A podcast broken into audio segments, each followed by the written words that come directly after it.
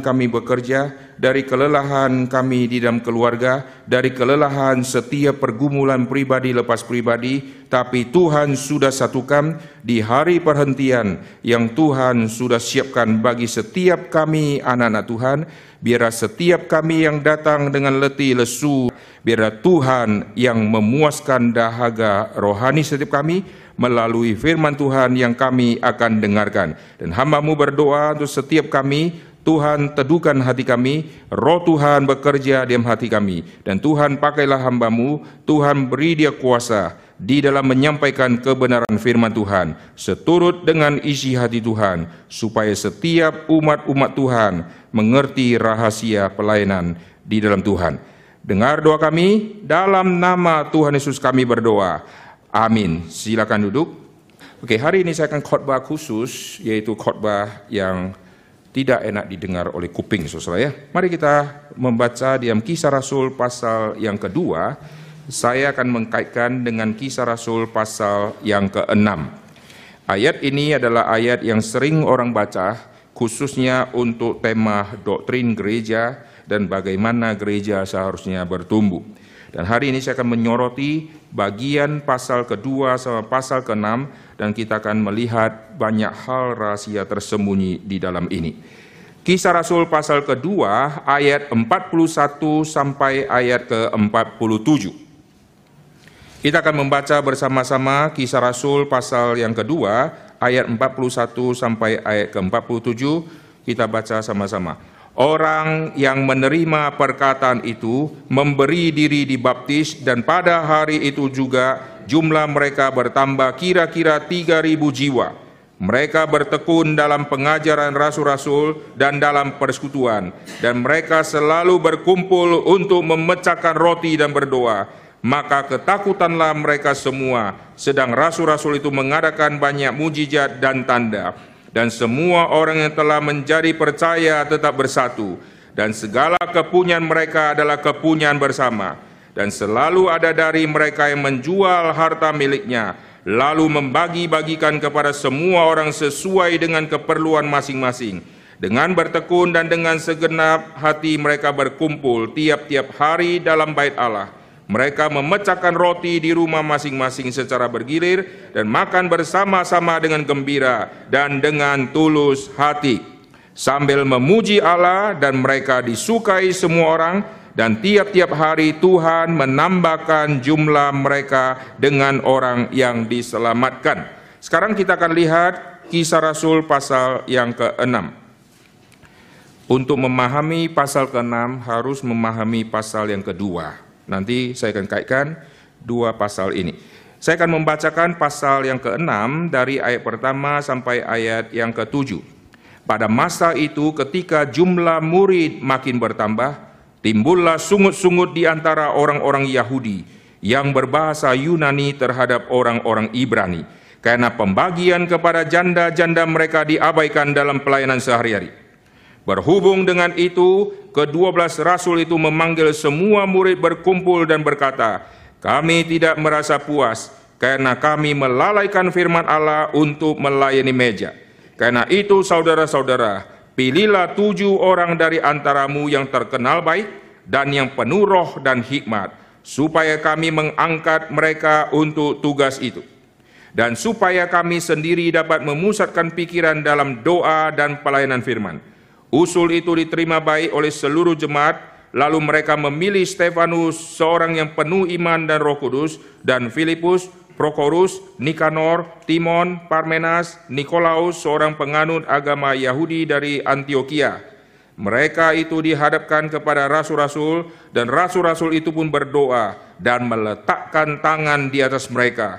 Firman Allah makin tersebar dan jumlah murid di Yerusalem makin bertambah banyak. Juga sejumlah besar imam menyerahkan diri dan percaya. Saudara perhatikan kisah Rasul pasal kedua, ini menjadi satu fondasi penting untuk kita melihat doktrin gereja. Hari turunnya roh kudus adalah hari jadinya gereja. Cara Tuhan bekerja diam sejarah begitu ajaib dan kita harus menelusuri gereja yang Tuhan inginkan gereja yang seperti apa. Persekutuan yang ada, persekutuan yang seperti apa? Sakramen yang ada, sakramen yang berfondasi kepada apa? Diakonia yang dikerjakan, diakonia yang bersumber pada prinsip apa? Di dalam kisah Rasul pasal kedua ini kita menemukan seluruh doktrin penting untuk nanti kita praktekkan di dalam pelayanan ke depan. Ini pertama kali saya membicarakan pasal kedua dikaitkan dengan pasal keenam lalu kita akan melihat kaitan dari dua pasal ini untuk kita temukan bijaksana di dalam kita melayani di dalam rumah Tuhan. Saya ajak saudara lihat kembali kisah Rasul pasal yang kedua. Ini waktu dicatat di ayat 41, jumlah murid sekarang bertumbuh jadi 3000 jiwa melalui penginjilan. Lalu ayat 42 merupakan ayat kunci. Mereka bertekun dalam pengajaran rasul-rasul dan dalam persekutuan, dan mereka selalu berkumpul untuk memecahkan roti dan berdoa.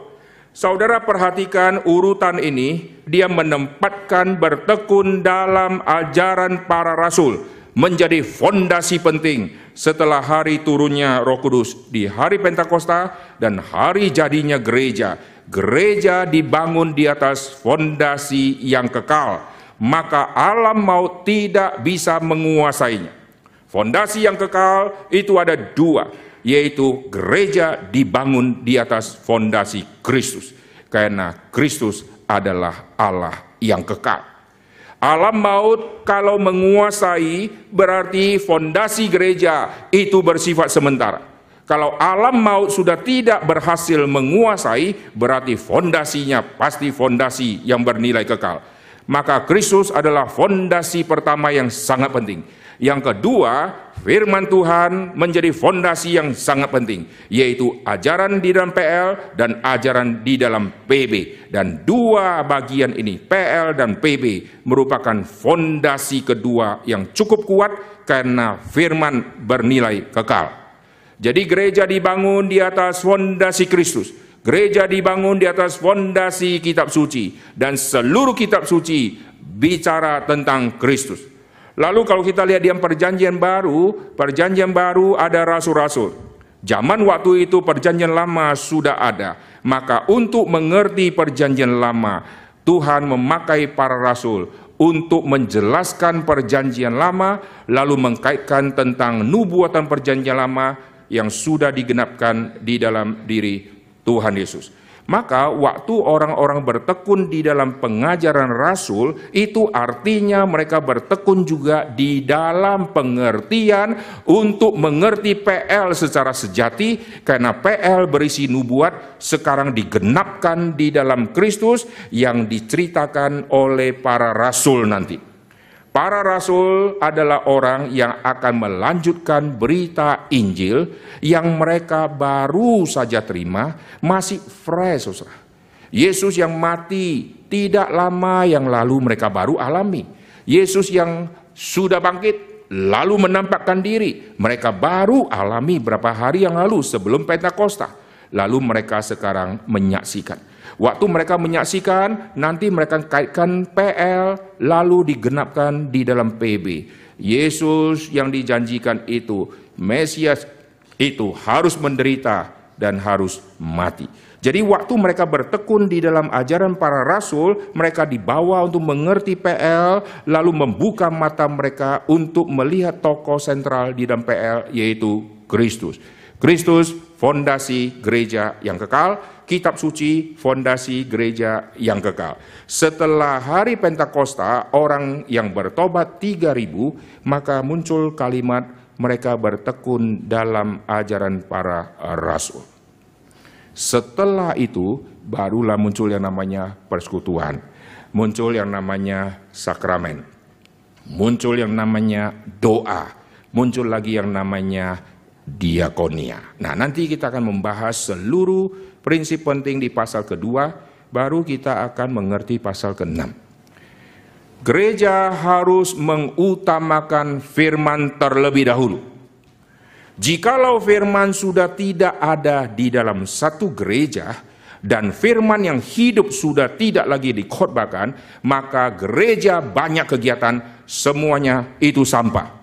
Karena mereka melayani Tuhan di dalam persekutuan A, B, C, mereka layani siapa? Mereka layani dengan konsep apa? Firman Tuhan membenahi konsep pelayanan kita. Doktrin di dalam Alkitab yang kita baca, kita menemukan semua rahasia begitu dalam tentang Tuhan. Itu yang mempengaruhi sikap kita nanti di dalam ibadah kepada Tuhan. Jikalau fondasi ini kita buang, maka semua persekutuan, semua sakramen, semua doa, semua diakonia itu tidak ada gunanya. Nanti kita akan membahas bagian ini. Saudara perhatikan saya kembali untuk melihat tentang ajaran para rasul. Ajaran para rasul harus menjadi fondasi pertama setiap jemaat harus mengerti. Kenapa? Karena jemaat dari latar belakang yang berbeda-beda.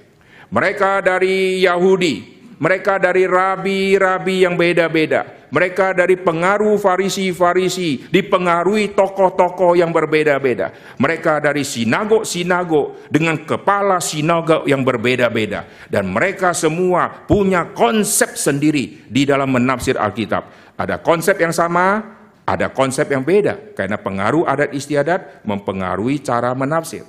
Lalu kita lihat semua yang sudah menjadi orang percaya karena mendengarkan Kristus yang adalah Tuhan itu, lalu mereka menjadi orang percaya, seluruh doktrin mereka mesti dibereskan satu persatu dulu. Maka ajaran para rasul menjadi fondasi penting untuk bereskan semua konsep pandang tentang Kristus, konsep pandang tentang Alkitab, konsep pandang tentang pelayanan. Setelah itu barulah muncul persekutuan. Gereja sering jatuh ke dalam ekstrim. Lihat gereja lain ada tujuh kali ibadah. Sekolah minggunya ada empat kali. Hari Senin ada acara, Selasa ada acara, Rabu ada, Kamis ada, Jumat ada, Sabtu ada. Lalu sepanjang hari full. Lalu lihat, wah kalau kita punya gereja, Senin ada, Selasa enggak ada. Lalu Rabu ada, Kamis enggak ada, lalu Jumat ada, Sabtu enggak ada. Oke, mari kita isi supaya apa? Supaya jangan dicemooh oleh gereja lain. Bagus enggak? Buat persekutuan A, persekutuan B, buat ini, buat itu. Itu bahaya luar biasa. Kenapa? Karena kalau fondasi ini belum dibentuk, tadi saya sudah katakan, semua persekutuan di atas, semua itu sampah, semua itu akan menciptakan konflik-konflik yang tidak pernah habis. Karena jikalau orang yang melayani adalah orang yang masih bayi rohani, yang belum dibenahi konsep dia, maka begitu ada satu persekutuan, konflik di persekutuan itu. Begitu ada satu lagi konflik di situ. Maka pembenahan dasar ini adalah langkah yang tidak boleh dilompat. Maka semua itu harus bertekun di dalam ajaran Rasul. Tidak peduli kau dulu pendetanya siapa. Tidak peduli kau rabinya siapa. Dulu saya dididik di bawah mashab siapa. Tidak peduli. Begitu sudah bertobat, semua bertekun di dalam ajaran para rasul. Di situlah mereka dikoreksi seluruh pikirannya. Nah, dari doktrin sudah benar, dari konsep bibika sudah benar, dari konsep mengenal Kristus semakin sejati, barulah nanti persekutuan akan melayani Tuhan yang sejati barulah persekutuan menjadi arah yang tepat berdasarkan prinsip Alkitab, maka tercetuslah persekutuan yang ideal berdasarkan prinsip Alkitab, persekutuan yang model apa? Baru-baru ini saya dengar ada satu istilah, olahraga Injil. Uh, apa itu olahraga Injil? Olahraga kok Injil? Saya perlu olahraga Injil, nggak perlu olahraga atau olahraga Injil. Maksudnya apa? Sambil berolahraga, sambil penginjilan. Wih, luar biasa, saudara. Itu olahraganya porsi lebih banyak atau Injilnya sebetulnya? Kalau istilah itu saya ganti, renang Injil. Coba sambil renang, Tuhan menyertaimu. Lucu kan? Lalu sekarang orang mulai buat istilah-istilah aneh, saudara. Nanti muncul istilah 21 Injil. Jadi sambil nonton jadi gini loh, itu manusia berdosa. Lihat, manusia berdosa kasihan. Ya Yesus mati bagimu. Langsung dilempar batu sama orang di belakang. Injil yang Injil, nggak usah dicampur olahraga Injil, hiking Injil, segala sesuatu ditambah-tambahkan. Seolah-olah Injil itu baru bisa akan masuk ke hati orang jikalau ditambah ini, tambah ini, nanti demo masa Injil. Sampai demo masa Yesus mati di Golgota. Asin juga ya, asin. Uh, Markus enak coba ya. Dan Yesus melayani saudara, nih saya juga layani gitu. Nggak bisa saudara, akan jadi kacau semua. Persekutuan harus didasarkan ajaran para rasul maka semua persekutuan akan bertumbuh seturut dengan apa yang Tuhan mau. Kalau akarnya sudah benar, maka nanti pohonnya tumbuhnya akan bagus, saudara. Pohon pinang batangnya akan lurus, saudara. Tapi kalau sejak kecil dia sudah bengkok sedikit saja, kita tidak lurusi, nanti dia terus maju, terus maju, akhirnya miring terus sampai ke atas, saudara. Padahal dia pohon pinang yang tegak. Karena kecilnya, fondasinya, akarnya belum diluruskan, maka tumbuhnya nanti bengkok semua. Lalu kita lihat, nanti setelah persekutuan baru ada sakramen. Coba kita lihat. Di dalam kisah Rasul di pasal kedua ayat 42, mereka waktu memecahkan roti. Wah ini menarik saudara ya. Lalu mereka berdoa. Kenapa semua ini ditaruh setelah ajaran para rasul? Karena memecahkan roti bukan artinya roti dipecahkan. Di dalamnya ada makna doktrin. Karena selama mereka menjadi orang Yahudi tidak pernah ada tradisi ini. Yesus sebelum ditangkap, Yesus mengumpulkan para murid. Yesus membuat tradisi baru. Inilah tubuhku yang kupecahkan bagimu. Di PL tidak ada kalimat itu. Inilah tubuhku yang dipecahkan bagimu. Lalu orang tua yang mengatakan, tidak ada itu. Ini semua tradisi baru. Setiap kali kamu makan, ingat akan aku. Cawan ini melambangkan cawan darah perjanjian baru. PL semua tidak ada. Yesus membuat tradisi yang baru. Lalu sekarang setelah mereka bertobat, mereka ikut pecah-pecahkan. Sampai pecah-pecahkan. Artinya apa? Tidak tahu. Pokoknya ya pecah-pecahkan aja. Enak juga pecah-pecahkan roti. Mereka jalankan sakramen, tapi sebelum itu bertekun di dalam ajaran para rasul. Maka waktu pecahkan, hati orang yang pecahkan itu menjadi lain, saudara. Dan hati orang yang menerima itu menjadi lain, karena ada pengertian yang sudah dikoreksi. Setelah itu nanti juga di dalam doa juga sama. Doa merupakan pencetusan iman. Dari orang berdoa, kita akan membaca kira-kira relasi dia sama Tuhannya berapa intim. Saudara kalau lihat seorang anak bicara sama papa, dua tiga kali kita lihat komunikasi seperti ini, langsung kita bisa tahu. Kira-kira relasi dia sama papa agak renggang. Itu lumrah, saudara. Kalau saudara tidak bisa lihat, ya saya maklumi, saudara ya. Saudara mata kurang tajam. Saudara lihat seorang anak bicara sama mama. Saudara tahu, anak ini manja sama mama. Saudara lihat suami istri berjalan, langsung saudara bisa baca, siapa yang takut istri? Si suami takut istri? Atau anak yang takut mama? Atau si istri yang takut suami? Langsung kita bisa baca dari cara jalan, apalagi ngomongnya, saudara. Kita langsung bisa baca, saudara. Dari suami istri yang bicara-bicara berapa kali kita lihat langsung kita bisa baca kira-kira relasi suami istrinya itu seharmonis seperti apa. Itu dari insting, itu lumrah, kita langsung bisa baca. Dalam rohani juga sama. Saudara kalau sedang berdoa kepada Tuhan, dari doa yang saudara ucapkan, langsung orang bisa baca iman saudara sampai di mana. Bahasa yang dipakai saudara bisa pakai doktrin yang benar, tapi tidak bisa nipu dari kalimat, dari nuansa, dari hati, itu bisa terpancar keluar. Banyak orang berdoa kalimat bagus, tapi bukan doa kepada Tuhan. Dia doa kepada teman kiri dan teman kanan. Maka kalau disuruh kau doa ya, nah, nah saya nggak bisa, nggak bisa, nggak bisa. Kenapa? Karena kiri kanan ada orang. Dia doa takut dikoreksi sama kiri kanan karena subjek predikat objeknya terbalik-balik, kosa kata kurang bagus. Tapi kalau dia tahu saya sedang berdoa kepada Tuhan, Tuhan lebih menguasai bahasa. Bahasa kita masih salah pun Tuhan bisa koreksi. Jadi kalau berdoa kepada Tuhan, jangan kira bahasaku harus sempurna dulu. Enggak, saudara. Tuhan waktu mendengarkan kita berdoa, Tuhan sudah mengetahui kita mau minta apa. Lalu waktu kita berdoa, orang lain bisa membaca berapa dekatnya orang ini sama Tuhannya. Jadi saudara perhatikan, orang berdoa bukan hanya asal doa saudara. Ada firman yang merubah orang ini, yang mempengaruhi orang ini, sehingga nanti sikap doanya jadi lain, bahasa doanya jadi lain, isi doanya jadi lain saudara. Karena dia sedang komunikasi sama Tuhan yang sejati itu. Sekarang saya kasih contoh begini. Orang-orang Yahudi, mereka berdoanya sudah sempurna. Farisi-farisi sudah sempurna. Kosa katanya mereka bagus. Seluruh farisi bahasanya bagus-bagus. Seluruh korban persembahan yang mereka bakar, hasilnya wangi dan harum. Semua sudah sempurna, semua sudah tepat. Tapi kenapa Tuhan berkata, aku muak dengan korban persembahan.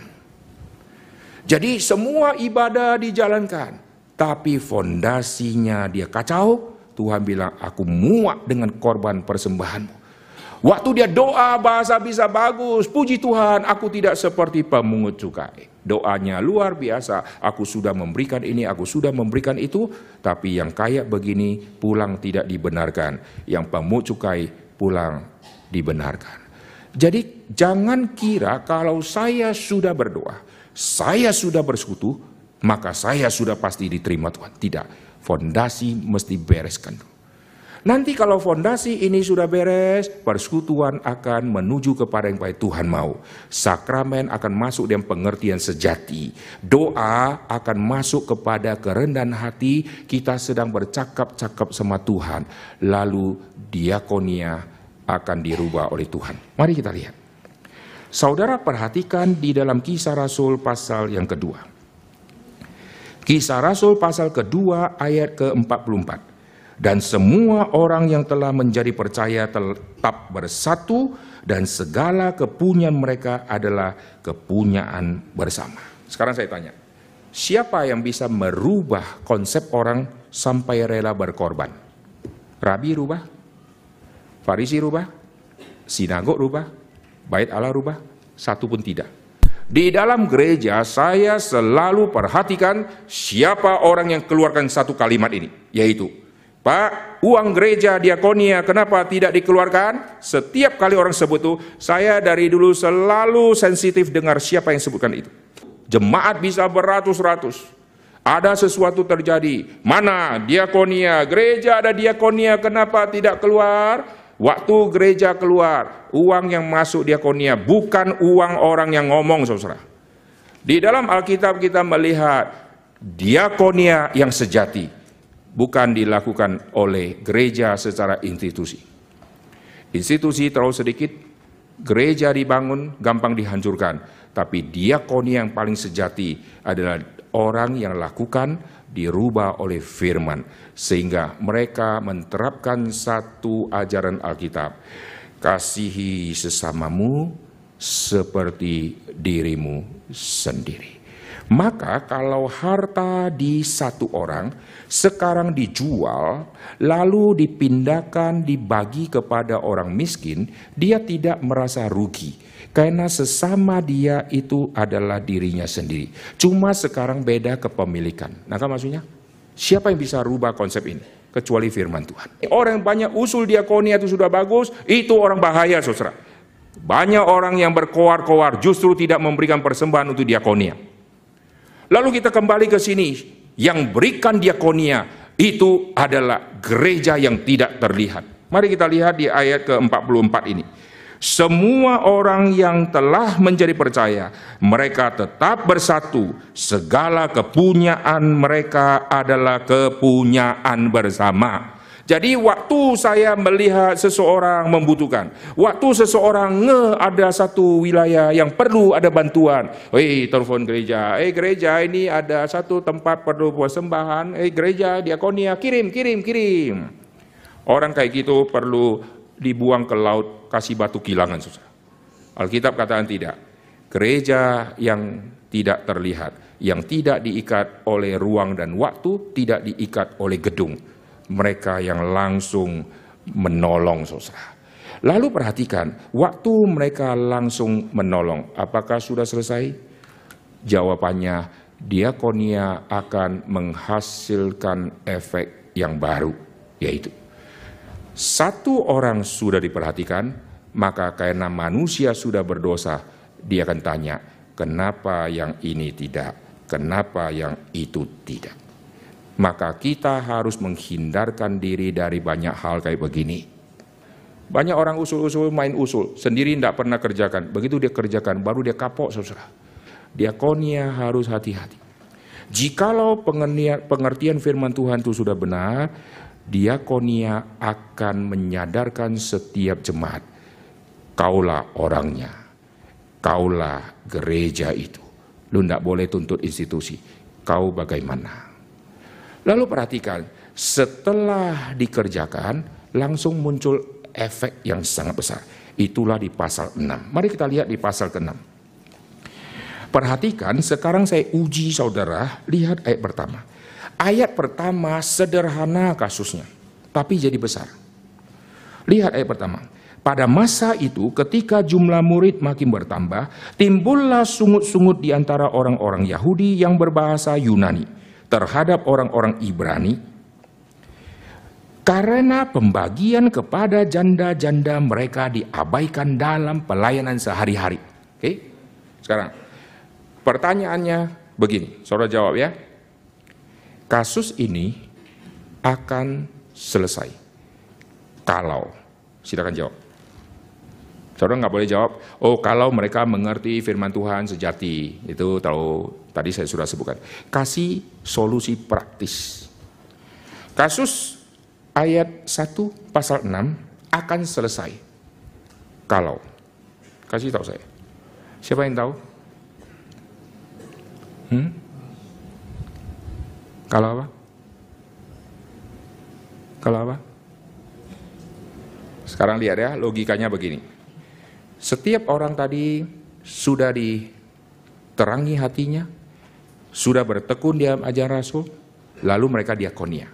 Waktu mereka diakonia, mereka sudah tidak merasa ini milikku, lu, lu, gua, gua. Tidak. Sekarang kau adalah aku, milikku adalah milikmu. Lalu kita lihat mereka jual, lalu mereka bagikan. Setelah itu muncul sekelompok orang yang berkata, janda-janda kami diabaikan. Sebetulnya ini kasus gampang sekali selesai. Kalau jandamu diabaikan, lu yang tolong beres. Ngerti maksudnya? Kenapa waktu dia melihat, oh ada orang jual, dia bantu orang miskin, wah selesai kasusnya. Tapi kok waktu bantu kok tidak bantu saya? Nah lihat ya, dia tangannya nunjuk sana, nanya nunjuk sana, dia sendiri tidak, saudara. Ini model orang Kristen zaman sekarang. Lihat di situ ada gereja gimana, gereja, gereja di mana. Ya lu gerejanya. Jadi kalau ayat satu diselesaikan dengan kalimat begini, semua kasus janda-janda akan selesai karena orang yang melihat jandanya tidak diperhatikan. Mereka pun tergerak menjual harta milik mereka bagi ke janda, maka happy ending. Betul? Inilah fakta di dalam gereja. Yang bertekun di dalam firman sama yang tidak bertekun di dalam firman. Yang bertekun terjadi perubahan besar. Yang tidak bertekun egois dan konsep masih tertutup. Saya selalu mengamati siapa yang suka belajar firman. Orang yang suka belajar firman pasti berbeda sama orang yang tidak suka firman. Orang yang suka belajar firman paling minim-minimnya pasti ada firman yang merubah dia. Tapi ada orang yang tidak suka firman, tidak ada firman yang akan rubah dia. Karena tidak suka firman dia. Nangkap ya? Lalu kalau dia tidak suka firman, lalu dia melayani, dia melayani pakai firman yang mana?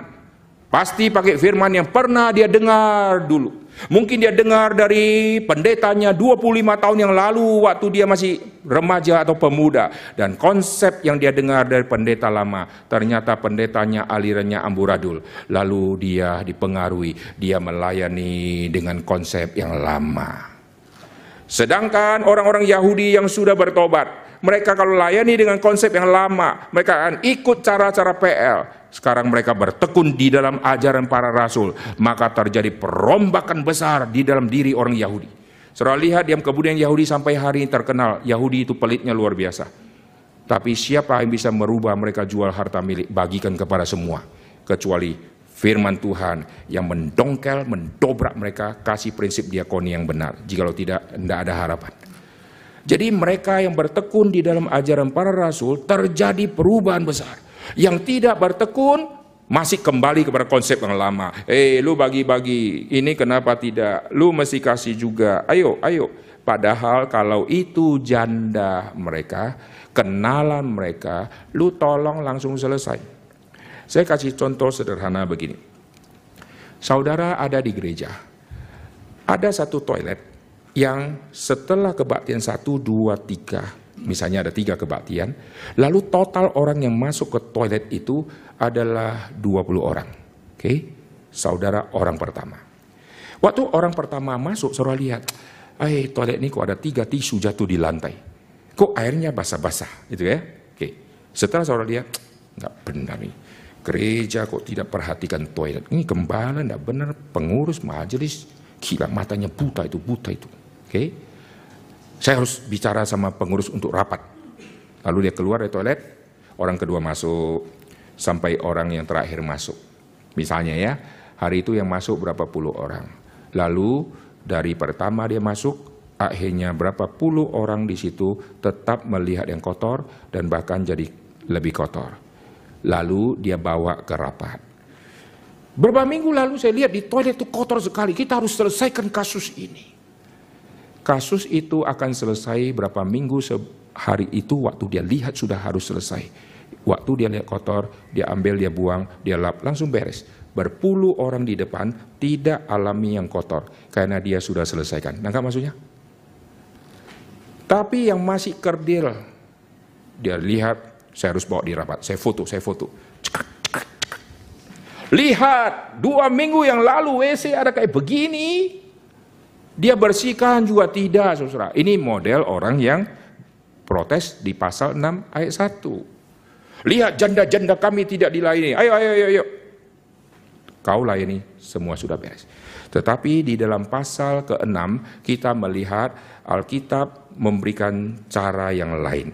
Yaitu sekarang semua orang-orang yang sudah percaya, yang sudah dirubah Tuhan, yang sudah jalankan diakonia, sudah gerak, baru dijadikan badan, baru distrukturkan. Saudara kalau lihat yang prinsip Alkitab, kalau seorang mengerti, seorang bungkam dan tidak akan sembarang berkata-kata. Bukan sudah lihat, lihat, lihat, lihat, lihat, kita harus ada ini, kita harus ada ini. Sendiri tidak pernah lakukan, lalu kita harus ada ini, harus ada itu. Alkitab katakan tidak, mereka sudah kerjakan, sekarang dibuat jadi badan. Daripada buat badan, lalu siapa yang kerjakan? Siapa yang kerjakan? Ya, job desk siapa? Yang kamu. Saya tidak, kamu tidak. Itu pasti hancur. Jangan sembarang usulkan ini itu jikalau orang usulkan belum kerjakan.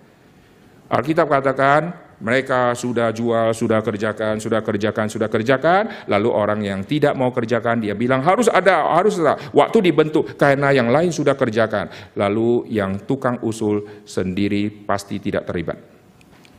Kebanyakan seperti itu. Cuma ngomong tok.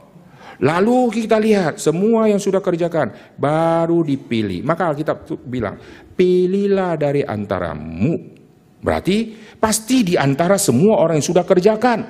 Yang tidak kerjakan, tidak ada levelmu. Saudara lihat urutan yang ditulis di sini, syarat yang ditulis di sini. Coba saya baca dulu, saudara perhatikan. Ini menjadi satu fondasi penting untuk kita melayani lebih baik di waktu-waktu ke depan, saudara.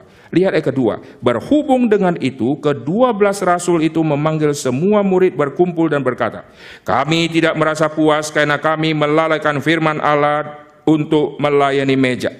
Karena itu saudara-saudara pilihlah tujuh orang dari antaramu yang terkenal baik dan penuh roh dan hikmat supaya kami mengangkat mereka untuk tugas itu. Jadi di sini dikeluarkan satu kriteria umum. Mereka terkenal baik.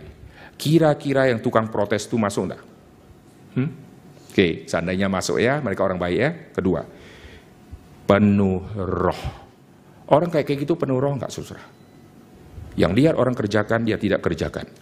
Lalu penuh hikmat. Orang kayak gitu berhikmat kan?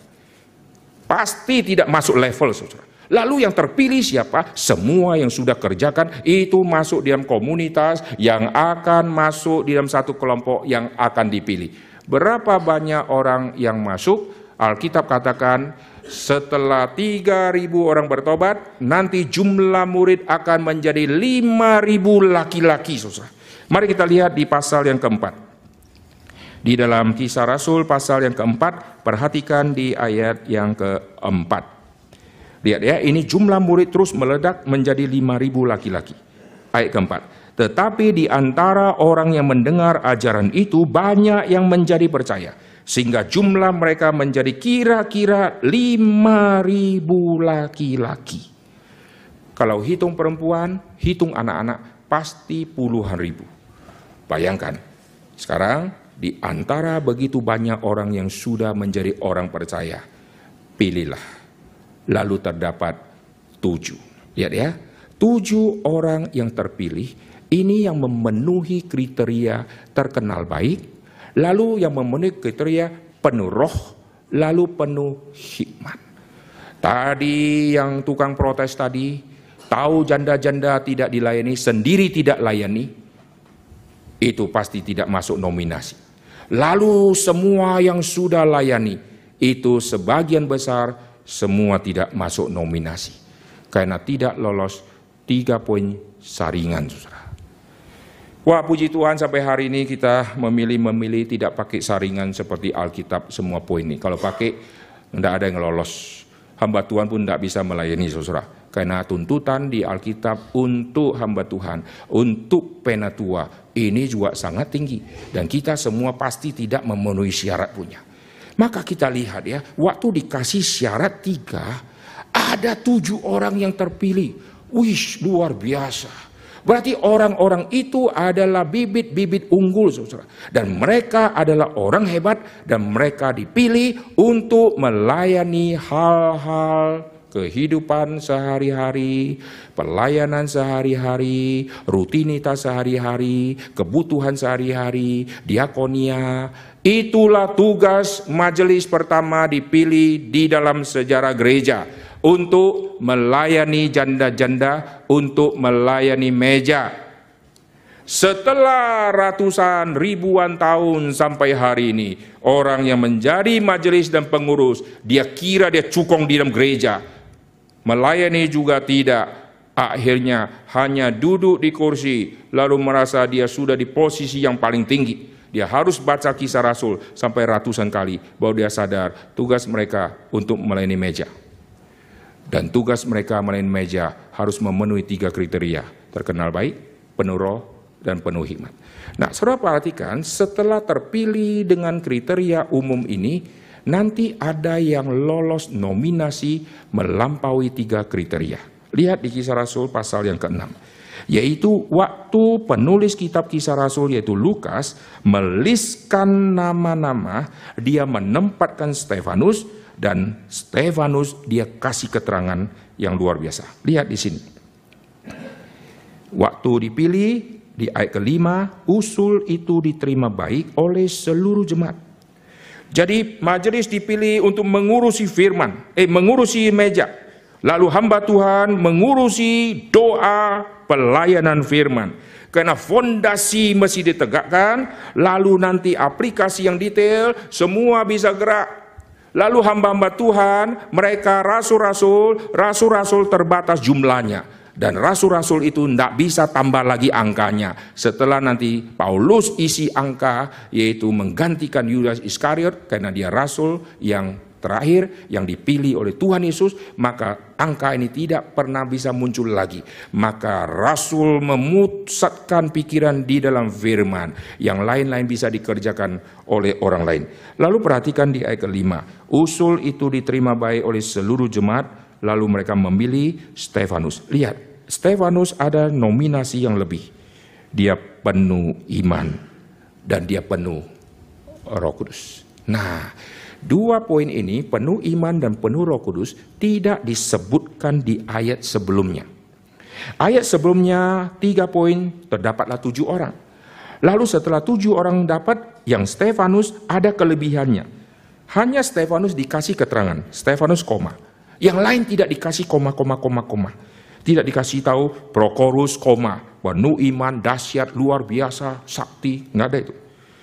Hanya Stefanus, penuh iman, penuh roh kudus. Lihat ayat ke-8. Stefanus penuh karunia dan penuh kuasa.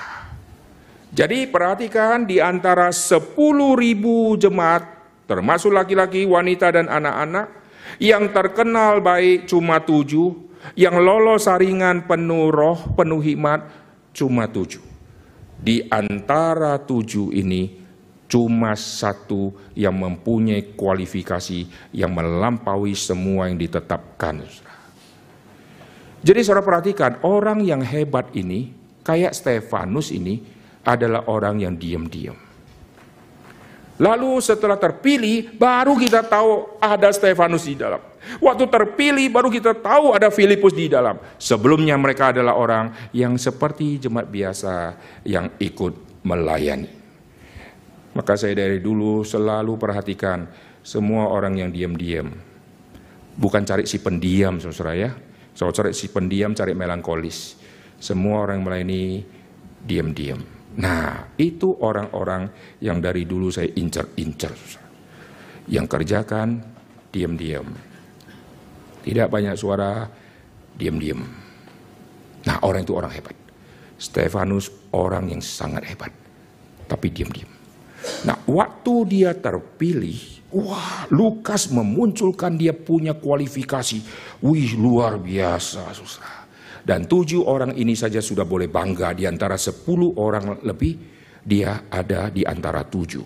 Dan tujuh ini hanya dua yang terbaik. Saudara bayangkan ya, di antara sepuluh ribuan orang, hanya dua yang terbaik. Kalau jemaat seratus orang, berapa yang terbaik? Saudara? Di antara sepuluh ribuan, Cuma dua. Siapa yang terbaik? Yang terbaik itu dimasukkan dia urutan awal. Stefanus sama Filipus. Ini dua yang terbaik. Karena dua orang inilah yang dicatat di dalam kisah Rasul ada ceritanya. Yang lain mestinya ditulis begini loh ya. Contoh ya, coba kita lihat tujuh orang ini. Prokorus, dia itu luar biasa baik. Minimal ada satu kalimat kita enak sedikit gitu ya. Kita tafsir juga ada enak sih Nikanor, wah dia suka ke rumah janda-janda. Wah luar biasa ya. Timon, wah dia siang dan malam terus pelayanan. Wah enak ya dikasih keterangan. Tetapi lima tidak pernah disebut. Di sini membuktikan nanti diam kepengurusan, nanti yang betul-betul akan melayani. Saya akan melihat siapa orang yang seperti Stefanus dan seperti Filipus atau yang seperti lima orang yang hanya pajang nama saja. Tujuh orang di list, lima hanya pajang nama. Hanya dua yang Lukas tulis kehidupan mereka yang luar biasa. Apakah yang lain tidak pelayanan? Pasti ada. Cuma yang lain pelayanan tidak signifikan, saudara. Saudara kalau lihat di dalam Alkitab, mereka ditunjuk dengan tugas yang sudah jelas, yaitu melayani janda. Saudara ingat, saya selalu berkata, jangan hanya melayani pakai job desk. Kita di rumah saja tidak kita tidak suka pembantu yang bekerja sama kita kerjakan dengan job desk. Saya kasih contoh. Pembantu tanya, Pak, saya hari pertama ini kerja, tugas saya apa aja Pak ya? Lalu dia catat. Apa Pak? Sapu dapur. Oke. Okay. Tiap malam kunci pintu, periksa lampu, bak mandi isi, air akuarium dicek, ikan dikasih makan, oke? Okay? Lalu list banyak. Oke, okay, besok-besok si tuan pulang lihat dapur, gila, piring sudah berapa hari tidak dicuci. Mbak, kenapa dapur kok piring tidak dicuci? Bapak ngomong sapu dapur, Bapak tidak ngomong cuci piring dapur. Secara job desk dia benar nggak? Tidak salah, saudara. Tapi secara yang tidak ditulis, itu yang tuannya lihat, saudara. Kau tidak ditulis untuk cuci piring. Lu cuci piring dah. Oke Tuhan, jadi saya cuci piring juga ya. Oke, cuci piring. Besok-besok gelas bertumpuk banyak. Kenapa tidak cuci gelas? Kata Tuhan cuci piring. Saudara kalau ketemu pembantu kayak begini, saudara naik gaji atau tendang dia keluar? Kasih tahu saya. Dan kita di gereja masih tuntut job desk, gitu kan? Lalu setelah job desk saya layani job desk, saudara kan dibuang oleh Tuhan, saudara. Saudara perhatikan, layani para janda. Itu job desknya. Tapi lihat siapakah yang layani para janda. Kasih tahu saya, adakah toko yang dicatat mereka layani janda?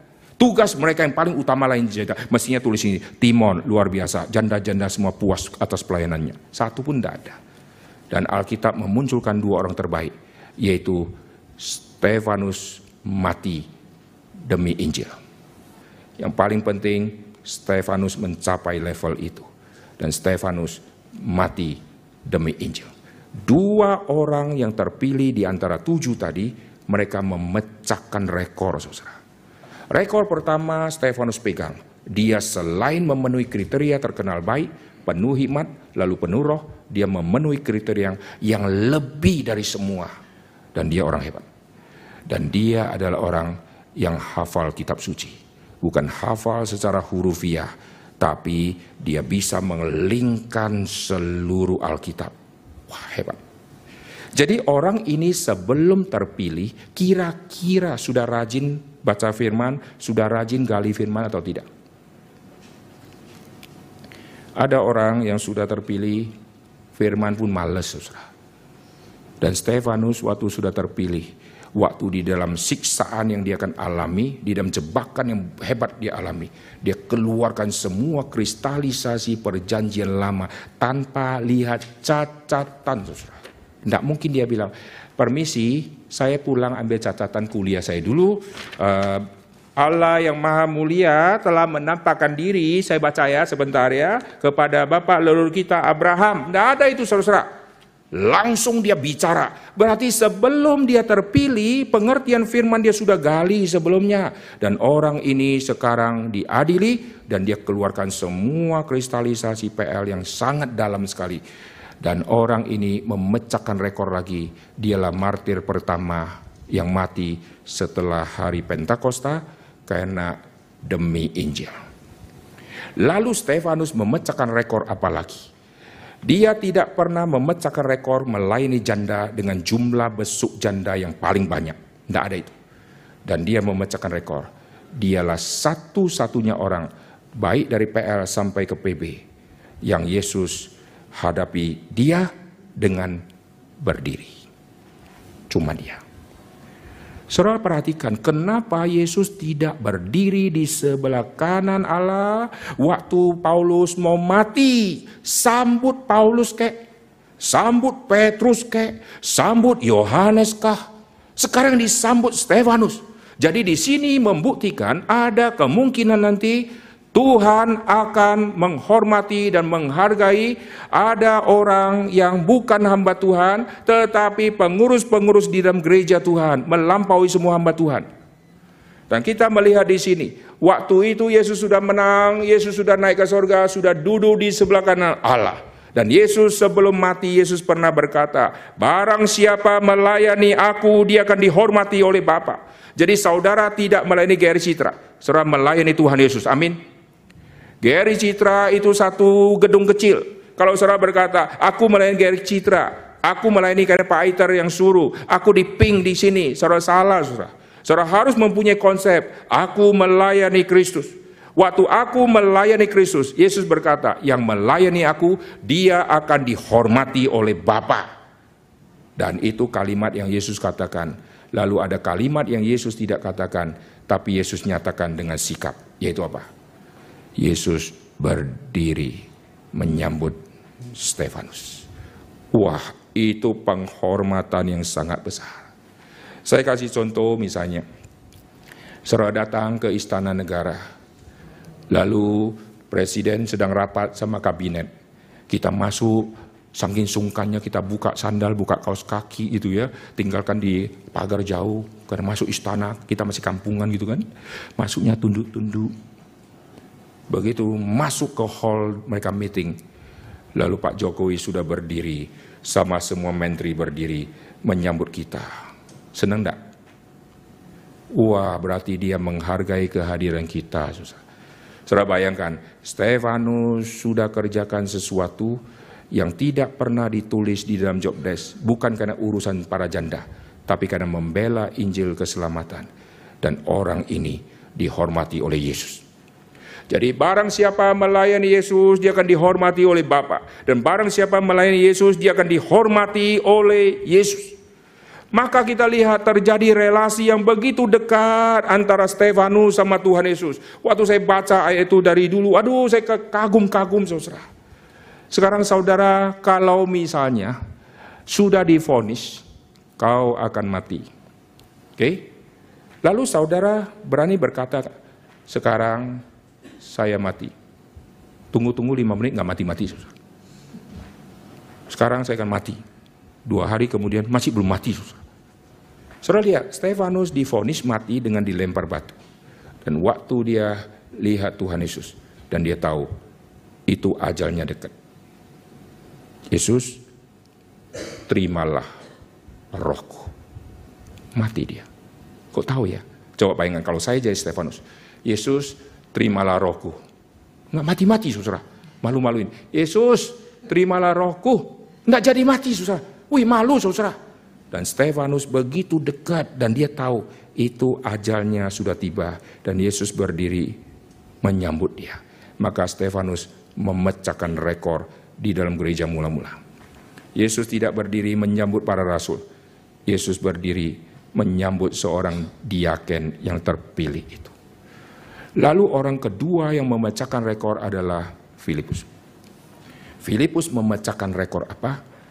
Di dalam seluruh tujuh orang terpilih, selain tadi Filipus, eh selain Stefanus, secara tindakan dia adalah seorang pekabar Injil. Lalu kita lihat Filipus dijuluki di dalam Alkitab pemberita Injil. Wah, ini ayat yang hampir tidak pernah muncul. Ada orang disebut lalu dikasih julukan pemberita Injil. Itu hampir tidak ada. Kalau Nu pemberita kebenaran, tapi Filipus pemberita Injil. Wah ini orang ajaib saudara. Kita lihat diam kisah Rasul pasal ke-21. Saya akan baca dari ayat yang ke-8. Stefanus tidak pernah mati dengan pujian menjaga janda. Filipus tidak pernah dikaitkan dengan penjaga janda, pembesuk janda. Lihat ayat ke-8. Pada keesokan harinya kami berangkat dari situ dan tiba di Kaisarea. Kami masuk ke rumah Filipus, pemberita Injil itu. Dulu Pak Tong lebih senang disebut penginjil daripada pendeta. Tapi karena struktur gereja mesti ada kependetaan, maka dia terima kata pendeta. Karena kata pendeta kurang nuansa penginjilan, saudara. Pendeta mengembalakan, gitu kan? Kalau penginjil, maka Pak Tong berkata, saya punya jiwa jiwa penginjil. Nah itu jiwa Yohanes Pembaptis. Dia bilang saya punya jiwa jiwa Yohanes Pembaptis. Dan Filipus satu-satunya orang yang dikaitkan dengan pemberita Injil itu. Dia memecahkan rekor susah. Lalu perhatikan ayat ke 8 tadi. Koma satu dari tujuh orang terpilih di Yerusalem mestinya koma yang tugasnya jaga janda-janda. Boleh nggak? Boleh ya. Tapi semua itu dibuang. Lihat, kami tinggal di rumahnya. Filipus mempunyai empat anak darah yang beroleh karunia untuk bernubuat. Di dalam perjanjian baru, bernubuat dikaitkan dengan berkhotbah. Dan banyak komentari mengkaitkan dengan ini dikaitkan dengan hamba Tuhan. Jadi Filipus satu-satunya orang yang dicatat di dalam seluruh Alkitab baik PL sampai PP yang anaknya yang dilahirkan dan anak kandung empat jadi hamba Tuhan. Sekarang saya tanya, saudara jadi pengurus, saudara doakan anak saudara kelak jadi hamba Tuhan dah. Nah, kita lihat Filipus punya empat anak darah dan semuanya jadi hamba Tuhan. Saudara bayangkan jikalau tujuh orang terpilih tugasnya layani janda. mereka akan pengangguran. Kenapa? Karena sejak matinya Stefanus, maka sisa enam orang. Lalu Saulus muncul, penganian besar-besaran, dan orang Yahudi mulai diaspora. Mereka lari menyebar pergi ke kota-kota, desa-desa ketok pintu. Permisi, ada janda kemarin numpang nginep? Ada, oke, tugas saya besok dia. Ketok lagi. Ada janda? Tidak ada. Oh, maaf, maaf, ke sebelah lagi. Kalau mereka tugas layani janda, mereka kejar si janda lari sampai ke goa-goa dikejar. Maka bahaya kalau orang yang melayani hanya berdasarkan semua poin-poin. Dia harus melayani supra poin, susah. Dan kalau semua orang sudah dewasa rohani, tidak usah dituntun, semua akan jalan dengan baik, susah. Justru yang dituntun kecil, kecil, kecil, kecil, semua itu adalah anak kecil, susah.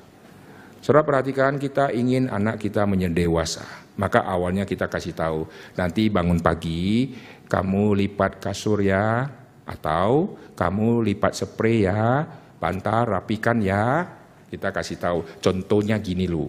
Besok-besok lihat dia, lihat dia, tetap tidak kerjakan.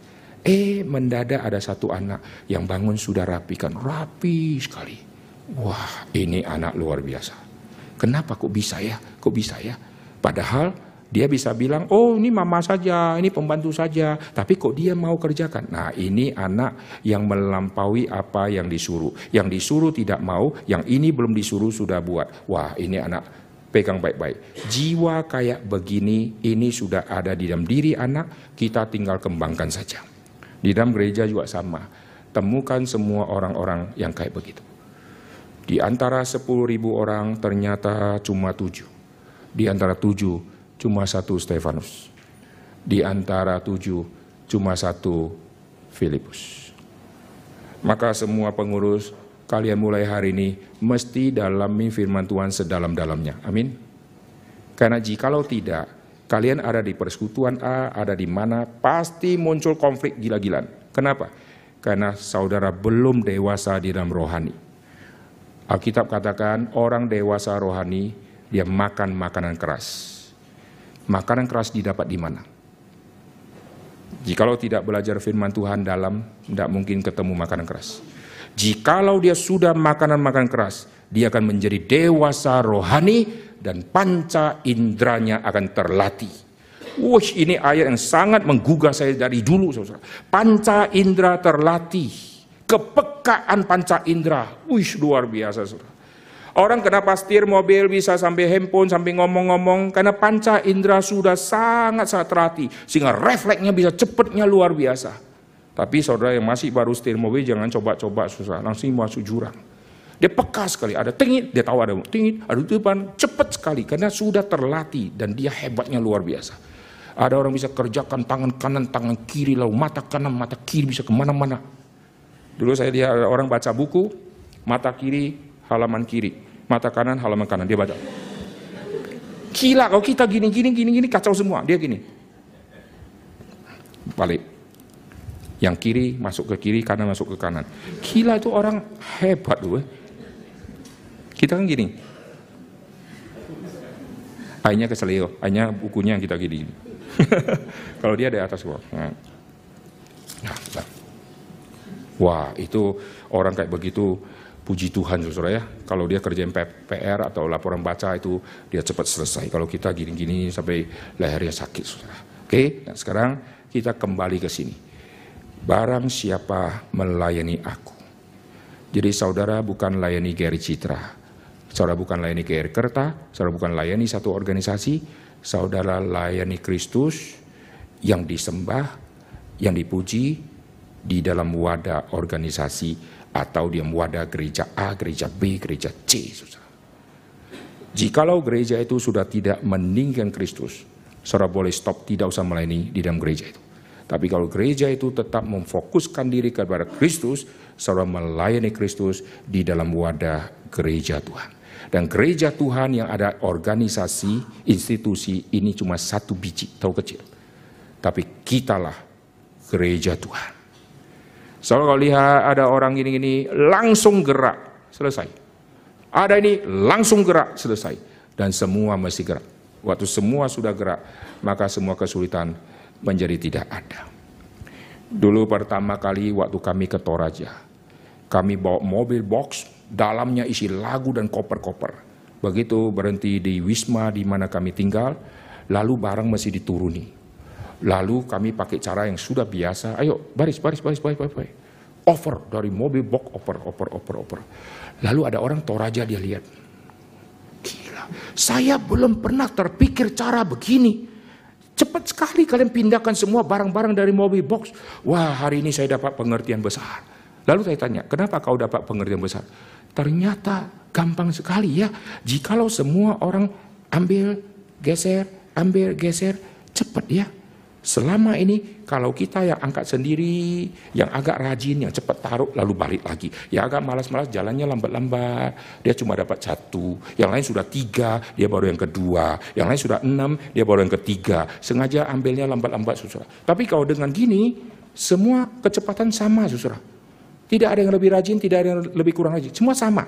Yang dikasih kecepatannya sama. Kalau tidak kesangkut, toh, maka sama. Waktu dia lihat, gila semua kecepatannya sama. Karena semua kecepatan sama, maka semua selesai cepatnya luar biasa. Dan tidak ada yang sampai, nggak ada loh. Wah luar biasa. Di sini saya menemukan satu rahasia dari orang yang berkata, lihat, kalau pekerjaan Tuhan dilakukan dengan semua orang dengan kecepatan yang sama, pekerjaan Tuhan akan mengalir cepatnya luar biasa. Amin. Jika ada satu yang mandek, lambat sedikit, semua sudah jam, yang lain nganggur karena tidak di-offer ke dia.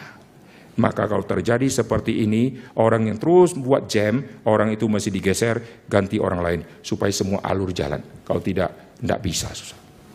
Oke, saya tidak akan perpanjang lagi. Hari ini khotbah menjadi satu ingatan bagi setiap orang yang sudah terpilih. Saudara terpilih bukan berarti yang lain semua jelek-jelek, tidak saudara terpilih di antara semua saudara-saudara yang mungkin ada orang yang jauh lebih baik. Karena di dalam kitab kisah Rasul ada Barnabas yang sangat baik tapi tidak pernah terpilih. Dan yang tidak terpilih itulah Tuhan menguji imannya. Kau punya potensi, kau tidak terpilih. Tapi kau kerjakan nggak apa yang Tuhan ingin kau kerjakan. Dorcas tidak terpilih. Lu kerjakan nggak Dorcas perhatikan janda-janda. Maka kisah Rasul saya bangga dua orang. Barnabas mestinya harus terpilih, tapi dia tidak terpilih. Dorcas seorang lainnya janda, dia buat baju, tapi tidak masuk dalam struktur apa pun. PIC pun tidak, tapi layani sampai mati.